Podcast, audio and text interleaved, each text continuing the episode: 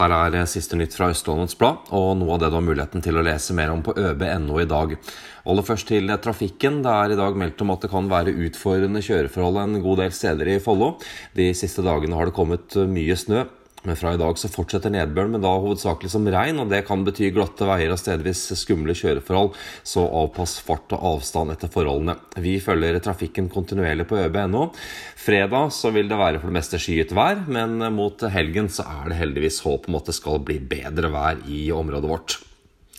Aquaflis ski gjør det skarpt etter flyttingen og vil ansette flere. Og du kan lese om Solveig Bugge Sveri, som har opplevd flere farlige trafikksituasjoner ved fotgjengerovergangen ved Rustad skole. Hun mener at lysregulering må til. Stopp islamiseringen av Norge får holde stand i Ski sentrum lørdag den 11. mai. Og hva som blir skjebnen til grendehuset i Oppegård Syd, det skal drøftes på årsmøtet til Oppegård vel den 18. mars. Kjøkkenbutikken i Ski er blitt eh, en av de største Kvikk-butikkene i landet. Nå er daglig leder Jan Standven kåret til eh, årets franchisetaker. Og så til slutt sport. Follo HK-jentene feide motstanderen av banen på hjemmebane i går. Vi fulgte Flint-kampen tett, og du kan lese alt om den på øb.no, og mer til i dag. Hvis du ikke har et abonnement på lokalavisen din, så koster det akkurat nå bare fem kroner for fem uker.